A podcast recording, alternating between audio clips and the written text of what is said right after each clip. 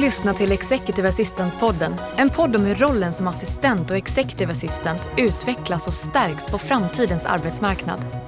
Podden produceras av Företagsuniversitetet i samarbete med nätverket IMA, International Management Assistance, rekryteringsföretaget Inhouse, röst och ljudproducenterna Online Voices samt Nordic Choice Hotels.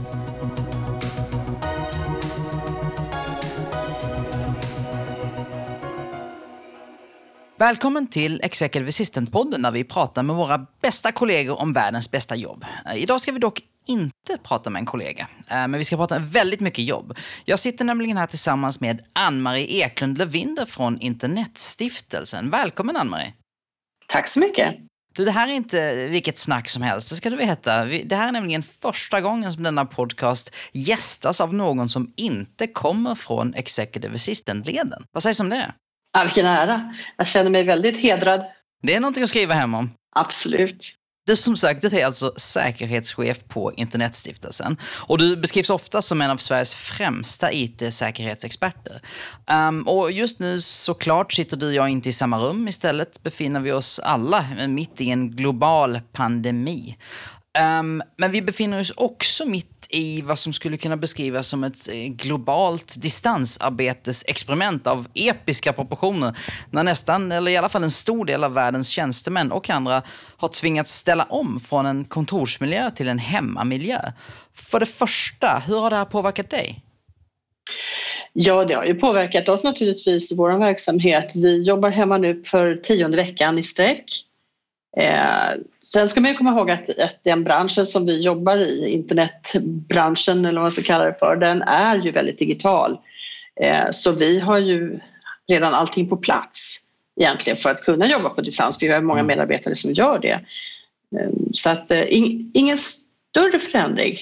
Eh, Men förstås, den här utsträckta tiden skapar ju ändå en del eh, stress hos en del. Förnöjsamhet hos en del som tycker att det är jätteskönt. Ja, som, aldrig vill tillbaka. Eller precis, som tycker att nej, men det här var det bästa som har hänt sedan skivat bröd. Så, ja.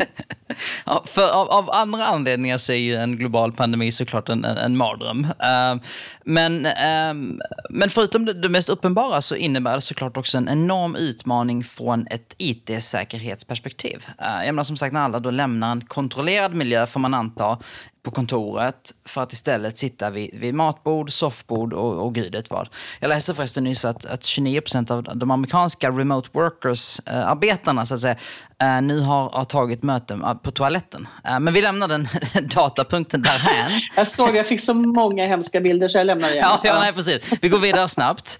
Eh, Men kan du, kan du måla upp bilden för mig eh, som amatör kring varför, så hur och varför riskbilden förändras när jag lämnar kontoret och åker hem och jobbar? Ja, men dels är, dels är det ju det att du är hemma. Och hemma är vi som regel lite mer avslappnade eh, och har en lite annan attityd till saker och ting. Den här sociala kontrollen liksom finns kanske inte riktigt. Och vi är också hänvisade till verktyg. Alltså den här chockdigitaliseringen har ju bidragit till att väldigt många verktyg har kommit in i verksamheter som, de in, som är oprövade. Alltså det har inte följt den vanliga vägen utan man, man har tvingats kasta sig över saker eh, väldigt snabbt. Och det är klart att det ställer till problem rent säkerhetsmässigt. Eh, men annars, jag skulle säga så här, har man en verksamhet med ett bra säkerhetsmedvetande, med vettiga verktyg eh, och en ledning som går i bräschen för att det är viktigt, ja, men då ska det här inte betyda någon större skillnad egentligen. Förutom då svårigheten att hitta bra verktyg för att kommunicera sånt som är väldigt känsligt eller väldigt hemligt. Mm, mm. Så handlar det egentligen, nu, nu direkt går jag in på, på, på antaganden och spontanfrågor, men handlar det mer om att ha ett beprövat arbetssätt? För att jag menar, vi jobbade ju hemma innan också, vi gör det bara i en annan utsträckning nu. Um, Och att egentligen lära sig att skilja på att ett snabbt samtal hit eller dit om en, en, en, en lös detalj är en sak och att skilja på ett styrelsemöte till exempel. Mm, ja men precis. Och det kan vara skillnad på styrelsemöten också. I vissa fall så eh, har man inte något man avhandlar som är av en, en sån karaktär som skulle vara jobbigt om det kom ut. Utan man måste hela tiden ställa sig frågan Eh, vad är det värsta som kan hända om någon skulle snappa upp den här informationen eller överhöra det jag säger och vilka konsekvenser får det för vår verksamhet, för våra partners, för intressenter, för våra kunder eller vad det nu kan vara för någonting. Mm. Och när man väl har liksom funderat på det en stund så, så vet man ju någonstans mm. att nej men det här funkar inte, vi kan inte mejla. Mejl är ett vykort om det inte är så att du gör någonting specifikt för att skydda dem. Du använder till exempel de standarder som ändå har funnits under några decennier som PGP eller S-MIME som är då kryptering av, på meddelandenivå av mm. mejl. Mm. Mejl är som vykort, det, det, kommer jag aldrig glömma. Det, det, det, är, en målande bild och en påminnelse för oss alla just det här att det inte är en, en, en form av hemligt meddelande mellan två personer utan det kan vara något helt annat. Precis. Om man inte lägger på det här extra lagret ja. förstås. Då. Precis, mm. precis. Och så vilka är då riskerna om, om vi kastar oss in i det? Alltså man, någon kan eh, komma in på vår länk och lyssna på vårt samtal såklart. Komma åt dokument, information. Är det liksom rent handbegripligen så är det det som, som är riskbilden va? Ja, precis. Och din hemmiljö, alltså på, på jobbet så har man ju ofta en, en IT-support som hjälper till eh, med olika saker och har lite koll på, på perimeterskyddet som vi kallar det för, det här skyddet runt verksamhetens digitala miljö. Hemma, om det nu är så till exempel att du tvingas använda din privata utrustning, ja men den kanske inte alls är lika uppdaterad eh, och, och bra som den du har på jobbet. Du kanske delar den med flera familjemedlemmar och då, det är naturligtvis en ökad risk. Så vidare. En av de sakerna som kan vara lite nya här är att jag menar, vi har mejlat länge och vi har använt diverse mjukvaror länge, men andelen videomöten vi har nu har ju exploderat. Vad, vad har förändrats från, från ett säkerhetsperspektiv där skulle du säga? Jo men där har, det har du helt rätt i. Det är ju många som har dagliga möten idag via videokonferenstjänster och man kanske inte har haft dem tidigare och då tar man det som finns lätt tillgängligt. Det har ju flera erfarit. Eh, och man vet inte kanske hur man administrerar dem på ett bra sätt vilket betyder att någon obehörig kan ta sig in mm. eh, i ditt videomöte och göra saker. Det fanns ju en del i, från början, Zoom var ju, är ett jättepopulärt verktyg och som, som drabbades av en del problem. Fadäser. Precis, fadäser kan man ju säga. Nu har ju de lagt ner jättemycket energi och kraft på att åtgärda det så jag hoppas att de, att de kommer på fötter igen. Eh, för det är ju så att det finns ingen tjänst som är 100% säker. Teams har sina problem, Skype har sina problem och vad vi nu använder för någonting. Eh, men det viktiga är att lär er ordentligt hur verktyget funkar, hur man administrerar det på ett bra sätt. Lägg inte ut till exempel inbjudningslänkarna på sociala medier för det är som att be om problem. Eh, och jag skulle vilja tipsa er faktiskt där att gå in på vår sajt internetstiftelsen.se för vi har under den här perioden kommit ut med väldigt mycket bra information och råd om vad man ska tänka på och hur man ska välja. Eh, inte bara videokonferenssystem utan överhuvudtaget hur man ska tänka och skydda sig mot eh, olika saker här vid eh, distansarbete. Precis, och det är ju otroligt egentligen hur, hur väl det har fungerat och hur, ja. hur jag läste, det var ju en undersökning som Tele2 hade genomfört här med hjälp av Sifo, Kantar Sifo om just distansarbetet och det var tusen intervjuer med svenskar mellan 25 och 64 år som jobbar på ett företag med minst 10 anställda och som får telefon och dator från jobbet. Mm. Och då är det alltså 45 procent av stockholmarna som arbetar heltid hemifrån. Mm. 45 procent. Ja, och lägger du till då de som säger att de jobbar 50 procent eller mer hemifrån, ja men då är det 65 procent. Mm. Eh, så det här är ju eh, en otrolig utveckling. Mm, mm, och jag verkligen. tror inte att vi kommer att återgå till som det har varit förut. Jag tror att det här kommer att påverka i hög grad eh, våra arbetssätt i, olika verksamheter. Mm, precis. Och man ska säga ja. som du, som du säger, ett, så ens, ens IT-säkerhetssituation är ju inte statisk utan som sagt, någonting man ska jobba med hela tiden. Hela um, tiden. Det är ja. rörligt mål, verkligen. Ja, för, för, det vi refererar till som vi kallade SUM-fadäsen, det handlade ju om, eh, menar, när ett universitet måste ställa om med, med 30, så på måndag kommer inte 30 000 studenter till campuset utan då ska alla vara online över en natt nästan. Mm. Och, och, och, det som hände var ju såklart att, att man använde Zoom då och, och att det fanns säkerhetshål och att, att diverse klasser och samtal blev eh, crashade med diverse eh, olämpligheter kan man säga. Och, och ja, det är ju, alltså på en kort tidsperiod så är ju inte det så konstigt om man ska vara helt sån. Men det är heller inte någonting som man måste acceptera utan kan, kan hela tiden jobba med att förbättra.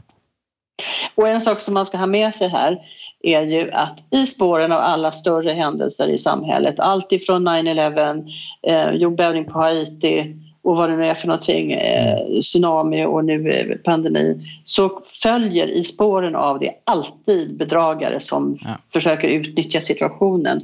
Så vad man också behöver tänka på det är att se upp nu för mejl som inte kommer därifrån eh, man förväntar sig, eh, falska inbjudningar till möten mm. Eh, och sen också försöka hålla koll på liksom, vilka som är med på mötet om det är så att man ska avhandla någonting mm. Eh, känsligt. Mm. Mm. Om vi tittar på assistentrollen mer specifikt då. Jag vet inte om den är unik, men vi, vi går in på den. Um, för där har du en miljö i vilken jag ofta arbetar direkt mot min chef, väldigt frekvent då. Och sen nästan som ibland kanske en gatekeeper eller liknande mot den större organisationen. Uh, som språkrör, problemlösare och sådär. I, I vår arbetsrelation, var skulle du säga finns de svaga punkterna? Det är om ni delar konto och du har hans lösenord till mejlen. Mm. skulle jag se som ett stort problem. Ja. Mm. Det är nog vanligt Nej, förekommande. ja, precis. Det, jag tror att det är väldigt vanligt förekommande och det är nog någonting man ska fundera på. Man ska, man ska nog eh, tänka en och två gånger. Alltså det här med individuella behörigheter är ju en väldigt bra sak eh, när någonting händer. För inte bara för att man ska jaga förövare utan att man faktiskt också ska kunna utesluta Mm. Eh, andra medarbetare från misstanke om att någonting oegentligt har skett. Och det där, det där glömmer man ofta. Eh, liksom, vad, vad, är problemet om jag, om vi delar samma lösenord? Ja, det är ett problem just därför att det blir svårare att eh, spåra, att, att samla bevis och spåra när det har hänt någonting. Mm. Ja, verkligen. Och, och i övrigt då det här med um Alltså jag menar, om, om jag då som, som executive assistant har någon form av eh, privilegie-access till den här ledaren då, då finns det också alltså all, alla möjliga så impersonations, hela den här eh, delen av problemet har ju växt, liksom, från, från mitt perspektiv, explosionsartat de senaste åren. Ja, alltså, och där är det ju så. Vi, vi har ju en fördel i Sverige ska jag säga. Vi är inte riktigt så hierarkiska i våra organisationer som man kan vara i andra länder. För det här CO, CFO fraud, alltså vd-bedrägerier som vi har döpt det till på svenska, innebär ju att någon i eh, ledningsgruppen eller framförallt helst ekonomichefen får ett mm. mejl från vdn som säger att du måste betala den här fakturan mm. omedelbart och det är bråttom och, och förresten jag skickar den om en stund. Och, och det här är ju då skickat från en falsk avsändare. Mm. Det ser rätt ut i mottagarledet och det är alldeles för många som faktiskt har reagerat på det eh, på fel sätt, det vill säga man betalar den här fakturan istället för att man som, som vår ekonomichef skulle ha gjort liksom, slänger sig på telefonen säger vad håller du på med? Så här brukar vi ju inte göra. Det är inte alls enligt med våra rutiner. Sluta be om pengar. Himla, precis, vad är det som är så himla bråttom som vi inte kan följa de vanliga rutinerna? Eh, vilket ju är, skulle jag tycka var den naturliga reaktionen. Mm precis.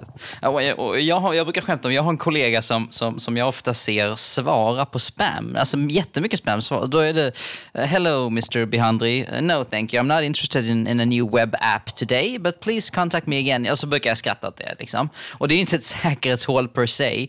Men det jag vill komma till är att, att de här bedrägerierna idag är ju inte de skämtbedrägerierna vi ser framför oss, utan det är ju sofistikerad utformning idag i vissa fall. Oh ja, absolut. Eh, så man ska, inte, man ska inte håna folk som åker dit eh, och klickar på länkar som ser trovärdiga ut för att de blir bättre och bättre. Bedragarna är heller inte helt okunniga i hur man använder ny digital teknik. Eh, så de blir skickligare och skickligare och det blir svårare och svårare att genomskåda. Samtidigt så, så finns det fortfarande, jag vet inte om, du såg säkert också precis som jag TV4-inslaget om, om dålig IT-säkerhet på våra myndigheter mm. där då väldigt många har klickat på en länk om lösenordsuppdatering eh, även, mm. även då i ledningsnivå. Och ja. Eh, ja. där kan man ju fundera på liksom, vad, är det som, vad är det som får dem att göra det? Ja. Brukar man få sådana mejl eh, ifrån verksamheten? Det är det första man ska ställa sig. Jag vet inte riktigt om man verkligen gör på det sättet för normalt sett så brukar det ju komma eh, som en, en pop-up-ruta, liksom som ett servicefönster ja. mera. Ja. Nu måste du byta lösenord. Sen, det, nästa är varför i hela friden slutar inte folk eh, att byta lösenord? Det, har ju, det borde man ha gjort, alltså det ja. borde man ha gjort för många år sedan. Att tvinga folk att byta lösenord regelbundet är en, en riktig, riktig rävsax som man har satt sig i. För att det. Dels så sänker det kvaliteten på lösenorden för folk väljer för lätta och för korta eftersom de ändå måste byta och det är svårt att använda fantasin. Eh, och dels så är man utsatt för en risk just att någon skickar en länk. Ja, men nu måste du byta lösenord. Och så klickar man på mm. den och så anger man det gamla lösenordet. Ja, och då har man ett intrång. Men det finns det fler aspekter på, på vår liksom individuella IT-säkerhet som du tycker att vi tar på för lite allvar? Ja, det är nog egentligen det är mejlen som jag nämnde. Vi ja. skickar alldeles för mycket saker i mejl som är helt oskyddat. Och det andra mm. är vår hantering av, av hur vi identifierar oss för system och applikationer. Mm. Och där vi som regel använder då användar-id och lösenord. Mm. Eh, och det är egentligen inte ett jätteproblem så länge vi har unika lösenord för alla tjänster. Mm. För skulle då ett lösenord läcka, visst då läcker det för den tjänsten och jag kan byta där. Mm. Eh, men det läcker inte för alla andra tjänster jag använder. För det första som en, en sån här angripare gör det är ju att försöka testa det här läckta lösenordet på alla andra tjänster för att se om man använt samma. Och det mm. har vi i väldigt stor utsträckning. Eh, och sen också att vi eh, kanske spar på lite för mycket saker i våra datorer som inte lämpar sig att ligga där. Mm. Hårddiskkryptering är ju någonting som jag också tror att det slarvas med. Det vill säga ja. att man ser till att informationen är krypterad på datorn när den inte används om vi då liksom hoppar rakt in i, jag ska inte kalla det quick fixes, men, men eh, för att, för att på något sätt så handlar det alltid också om vad är liksom praktiskt i vardagen? Hur ska jag jobba då för att det också ska funka att, att bara jobba utan att behöva tänka på säkerhet hela tiden? Um, men så mm. beteenden, regler, tekniska liksom val man gör som man kan anamma för att säkra upp sin digitala miljö. Är det, för mm. menar, och gå tillbaka till hur du gör. Jag, menar, jag har kontaktat dig via en, en liksom välkänd uh, e-mailserver här som är säkert väldigt öppen. Har du olika diskussioner i olika mailadresser? Eller, alltså, hur, hur har du lagt upp det? Ja, för det första så skiljer jag väldigt strikt på min privata mejl och min jobbmejl. Ja. Ja. Även om arbetsgivaren egentligen inte har rätt, så vitt jag vet, att läsa min mejl så är det ju onödigt och framförallt så är det onödigt för verksamheten mm. att jag hanterar mina privata mejl eh, den vägen. Så det, mm. det kör jag en strikt uppdelning på. Annars mm. inte några specifika. Eh, jag använder ju det som heter PGP, då, Pretty Good Privacy, eh, när jag vill kommunicera säkert. Och då kan jag kryptera mina meddelanden och jag kan signera mina meddelanden så att mottagaren vet att det kommer ifrån mig mm. och kan låsa upp det med bara sin nyckel. Så även om jag skulle råka skicka den här mejlen till någon annan mm. så kan mottagaren inte, inte öppna det för då, kan man inte, då har man inte rätt nyckel. Nej, precis. Och nu kanske jag blir lite väl granulär, men om, om vi då sitter i, i, nej, nej, det var mitt fel, i assistentrollen och vi, har, liksom, vi kommunicerar via företagets e-mail, det finns inte så mycket jag kan påverka där. Men sen ska jag skicka ut eh, extra dokument till ett appendix i styrelsemötet eller något sånt där. Då kan jag helt enkelt bara välja en annan form av sendout och, och säkra upp mig den vägen. Precis. Ja. ja. det finns ju sätt att dela dokument som är, alltså man lägger det någonstans. Man har, många verksamheter har ju ett intranät till exempel för intern kommunikation och där kan man ju göra en separat avdelning för som styrelsen kan komma åt. Man kan ju tycka att styrelsen är ändå en vital del av verksamheten så att de inte skulle kunna komma åt eh, en aria på det interna nätverket eh, känns ju lite konstigt. Mm, mm. Ja, så det, det, kan man ju ha och där kan man ju dela dokumenten eh, så man kan ladda ner. Det finns ju verktyg också som man kan skaffa där man delar dokument på ett säkert sätt och bestämmer också det här dokumentet får bara ligga där en vecka, sen kommer det att förstöras mm. eller tas bort. Mm. Precis. Så jag tycker, alltså, det som är viktigt egentligen, som, både som executive och executive assistant, är att tänka på riskbilden eh, och vad det är man försöker skydda. Hur allvarligt är det om det kommer ut? Och så måste man utifrån den liksom, riskanalysen ändå bestämma sig för okej, okay, vad, vad är det för åtgärder som krävs för att det här ska bli tillräckligt bra? 100% säkerhet finns inte, för är det så att någon vill komma åt informationen så kommer de att göra det. Det handlar om tid, pengar, resurser och intresse. Eh, är det tillräckligt intressant så kommer de åt det. Mm. Och det här är något också som man kan, jag vet, jag vet Säpo brukar ju prata om det här också mm. och andra att vi, jag menar väldigt många verksamheter idag är ju utsatta för både eh, försök till informationsoperationer men också är, kanske har redan någon i systemet som avlyssnar det mm. som finns där. Mm. Och du pratade om att ha dokumenten på, på, i sin dator också. Om, om jag då idag har på mitt skrivbord en mapp som, som heter hemliga mappen, eh, sådär. Mm. Um, vad, då är alltså inte, egentligen inte svårare att, eh, att ha en extern hårddisk, se till att där ligger den och inte är alltid ansluten. Ja, det är ett Eller? sätt att göra det. Ja. Uh, och man kan, men det går också att kryptera hårddisken i datorn. Ja. Så att även om någon skulle stjäla din dator så kan de inte komma åt informationen i den. Lösenord, um, det är ju det som man, um, det, det, är vår liksom generella bild av IT-säkerhet. Kommer någon över mitt lösenord så, så kommer de in till min Spotify och då blottas Per Gessle-spellistorna och min street cred är, är havererad. Liksom. Det är min, ett av mina skräckscenarier, skämt åsido.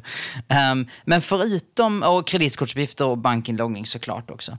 Men mm. finns det andra aspekter av det här som vi, du tror att så, vi, vi lekmän missar? Vad, vad brukar liksom människor höja på ögonbrynen när du berättar? Ja, men det är väl hur enkelt det är att avlös, avlyssna eh, publika nätverk. Om jag sitter på ett café mm. eh, till exempel och kommunicerar med företaget och inte använder en eh, krypterad tunnel, alltså en sån här VPN-tunnel som man brukar kalla det för. Mm. Det vill säga mm. man skapar en, en förlängning av skrivbordet ut till det här kaféet mm. eh, som skyddar din kommunikation. Om du, om du kör som, som vanligt utan det, då är det väldigt, väldigt enkelt att avlyssna Sen också folks promiskuitet. det säga, vi kopplar upp oss på vilka trådlösa nätverk som helst ja, utan ja. att ifrågasätta vem som ligger bakom. Och, Free wifi öppet. Det var... ja, precis. Gratis här. Eh, förvånar mig lite grann eftersom det numera... Jag menar, det, var ju, det var ju ett faktum då när man jagade minuter och, och det kostade surfa per Alltså man hade viss surfpott som man behövde fundera på. Men idag det, det är inte en fråga längre utan de flesta har ju liksom nästan obegränsade surfmöjligheter. Och det kostar, det är fast pris och sådär. Så att det är mm. mycket, mycket bättre att köra via telefonen än att koppla upp sig på en obskyra nätverk på kaféet. Och du, du, nämnde telefonen, om, om, vi, om vi glider över till den, för idag sitter vi liksom med, med ändå en mjukvarusvit som, som går över till diverse devices. Um, och när mm. chefen kanske reser så, så skippar vi mejlen ibland och så kör vi WhatsApp. Och så, ja, men du vet, så, så går man runt med och, och Slack och, och diverse. Um, mm. Och då är det, rätta mig om fel, men då kan man väl göra ganska aktiva val kring att bara använda en krypterad tjänst, eller? Absolut. Det finns ju eh, väldigt bra tjänster med hög säkerhet eh, som, som man kan använda. Jag vet inte riktigt varför inte de får större genomslag än, mm. än de har. Eh, det kan ju bero på att man inte känner till att de existerar men, men det kan också vara ren och skär lättja. Ja, ja. att, man faktiskt, att man faktiskt inte orkar engagera sig. Och det Nej, är en app till. en app till. Men å andra sidan, kan man nu tänka sig att ladda ner en app som eh, slänger arga fåglar eller som eh, visar en bild hur en öl hälls upp i mobilen, ja, men då kan man väl ladda ner en säker kommunikationsapp, tänker jag då. Ja. Eh, man behöver inte bara roa sig, man kan vara lite seriös ibland också. Exakt. Och, och dölja när man roar sig kanske. Ja, det också kanske. Um, men om man då tittar på, på telefonen igen. Um, vi, vi, har ju alla, vi, vissa av oss um, följde ju Edward Snowdens framfart och jag fortfarande uh, fascinerat. Och då mm. en, en aspekt som jag kommer ihåg att man, att man verkligen höjde på ögonbrynen när han berättade om var just, eh, och nu är vi inne på ganska avancerade eh, it-säkerhetshot och sådär, men ändå.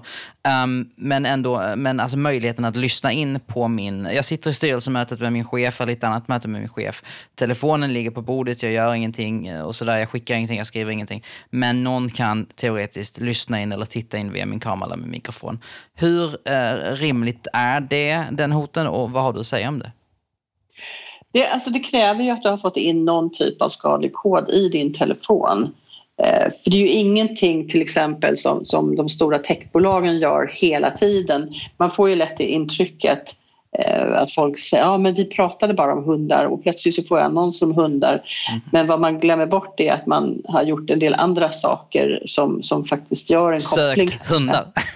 Ja, men lite så. Eller man har, har eh, kört via Messenger för där kan man tänka sig att texten man skriver där och man söker efter, eh, efter ord som man kan använda för annonsering och sådär. Eh, mm. Men att någon skulle avlyssna allting som sägs kontinuerligt, det, det tror jag vi kan avfärda. Men, men för vissa ens, enskilda personer som är särskilt utsatta eller som är utpekade som måltavla för någon så kan man ju absolut tänka sig att man punktmarkerar just den. Och, och, och det här har man ju också diskuterat. Det är också därför som många styrelsemöten sker mobilfritt med mm. mobilerna i en bruslåda. Ja. För att undvika ens risken. Samma sak där, man får mm. göra sin riskbedömning. Och så länge man pratar om saker som, som är förhållandevis oförargliga så, mm. så är det okej. Okay. Men ska man börja prata om, om eh, att man ska begära rekonstruktion eller göra något mm. förvärv mm. eller vad det nu kan vara för någonting. Ja, Då ja, kanske precis. man måste tänka sig för ordentligt. Ja. Nej, och som du sa med, med apparna där, tittar man på det hur troligt den är så att lägga telefonen i en låda, det är förhållandevis liten eftergift kan man tycka. Exakt. Det är bra för mötet att folk har lite fokus. Precis, precis. Ingen lyssnar, men de som lyssnar lyssnar. Exakt. um, man kan ju inte prata med dig utan att också prata om att, att du innehar en av internets nycklar. En av 14 nycklar som kontrollerar hela internet. Uh, och jag har alltid tyckt att det låter lite som Sagan om ringen. Uh, vad, vad, är det, vad är det här för nyckel och, och varför går du omkring och bär på den?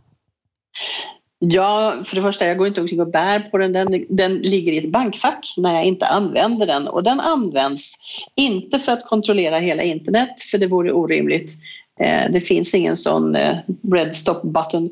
Utan det här handlar om domännamnsystemet som är en av de viktigaste hörnpelarna i internets infrastruktur. Eh, det vill säga domännamnsystemet hjälper dig när du skriver en mejladress eller en webbadress. Så letar den upp IP-adressen som hör till den server som du vill prata med och det här har kommit till eftersom IP-adresser är numeriska och vi människor har väldigt svårt att komma ihåg långa sifferserier eh, så var det enklare att komma ihåg ett namn som till exempel företagsuniversitetet.se eller mm. internetstiftelsen.se.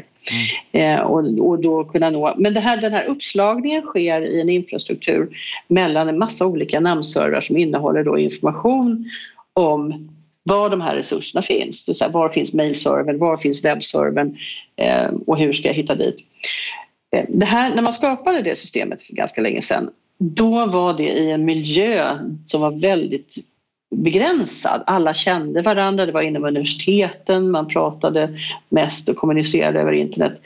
Sen när internet kommer bli var mans egendom, ja men då blev ju mm. också den här informationen mer eller mindre var mans egendom och DNS, alltså domännamnsystemet byggdes inte för att vara eh, skyddat för manipulation. Det var väldigt väl skyddat mot avbrott så tillgängligheten är enorm.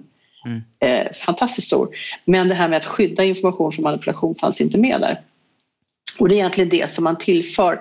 Vad man har gjort är att man sätter digitala signaturer på eh, de här svaren som kommer ifrån domännamnsystemet så att ingen ska kunna ändra det på vägen eh, mellan då dig och den som du vill kontakta utan svaret kommer tillbaka och är intakt. Mm. Och det är egentligen det som de här nycklarna är till för. För rotzonen är det som håller ihop hela internet, så att säga, hela domänamnsystemet för internet. Så alla mm. toppdomäner ligger under en, en gemensam punkt och det som är rotzonen. Under sen toppdomäner ligger huvuddomäner eh, och så vidare. Och det här är då världens största distribuerade databas egentligen. Mm. Fungerar klockrent. Eh, och, eh, men då med den här extra knycken, vi gör då nycklar Fyra gånger om året sker det här. Det sker i USA därför att det är där som det här ursprungligen eh, togs fram. Hela DNS-systemet och rotzonen har legat där.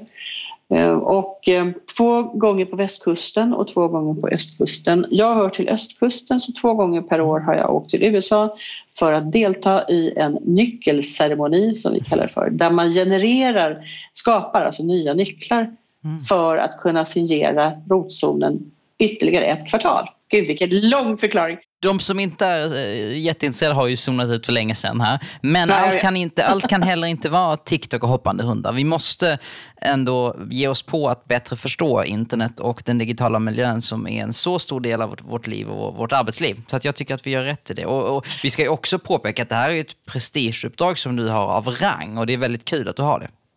Absolut, och det jag har gjort i tio år. Mm. Ehm, och det är, jag är den enda svensken och den enda kvinnan. Mm. Så bara det. Fantastiskt. Det är, Nej, men det är häftigt.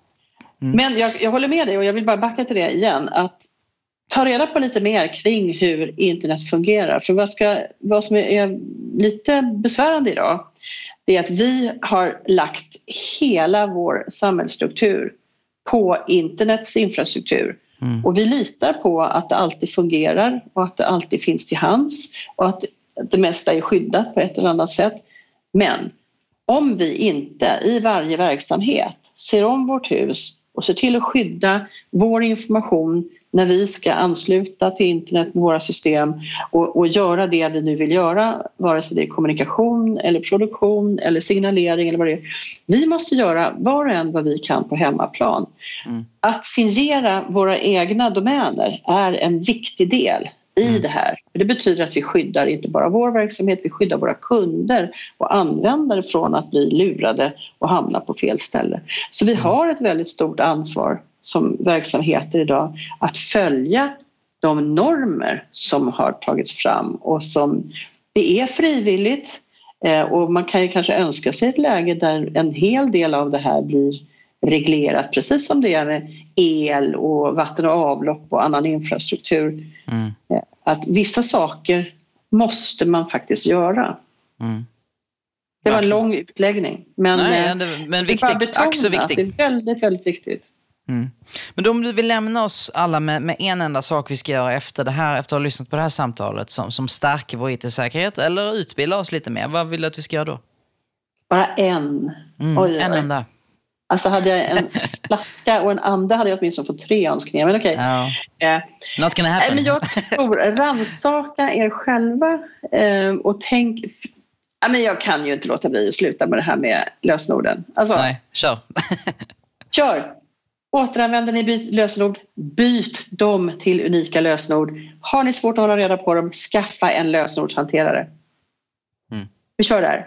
Ja, verkligen. Ann-Marie Eklund Livinde, det är alltid lite skrämmande, men det har mest varit trevligt och väldigt lärorikt att få prata med dig här idag. Så, tack så hemskt mycket för att du tog dig tid. Tack för att jag fick vara med. Du har lyssnat till Executive Assistant-podden, producerad av Företagsuniversitetet i samarbete med IMA, International Management Assistance, Inhouse, Online Voices och Nordic Choice Hotels.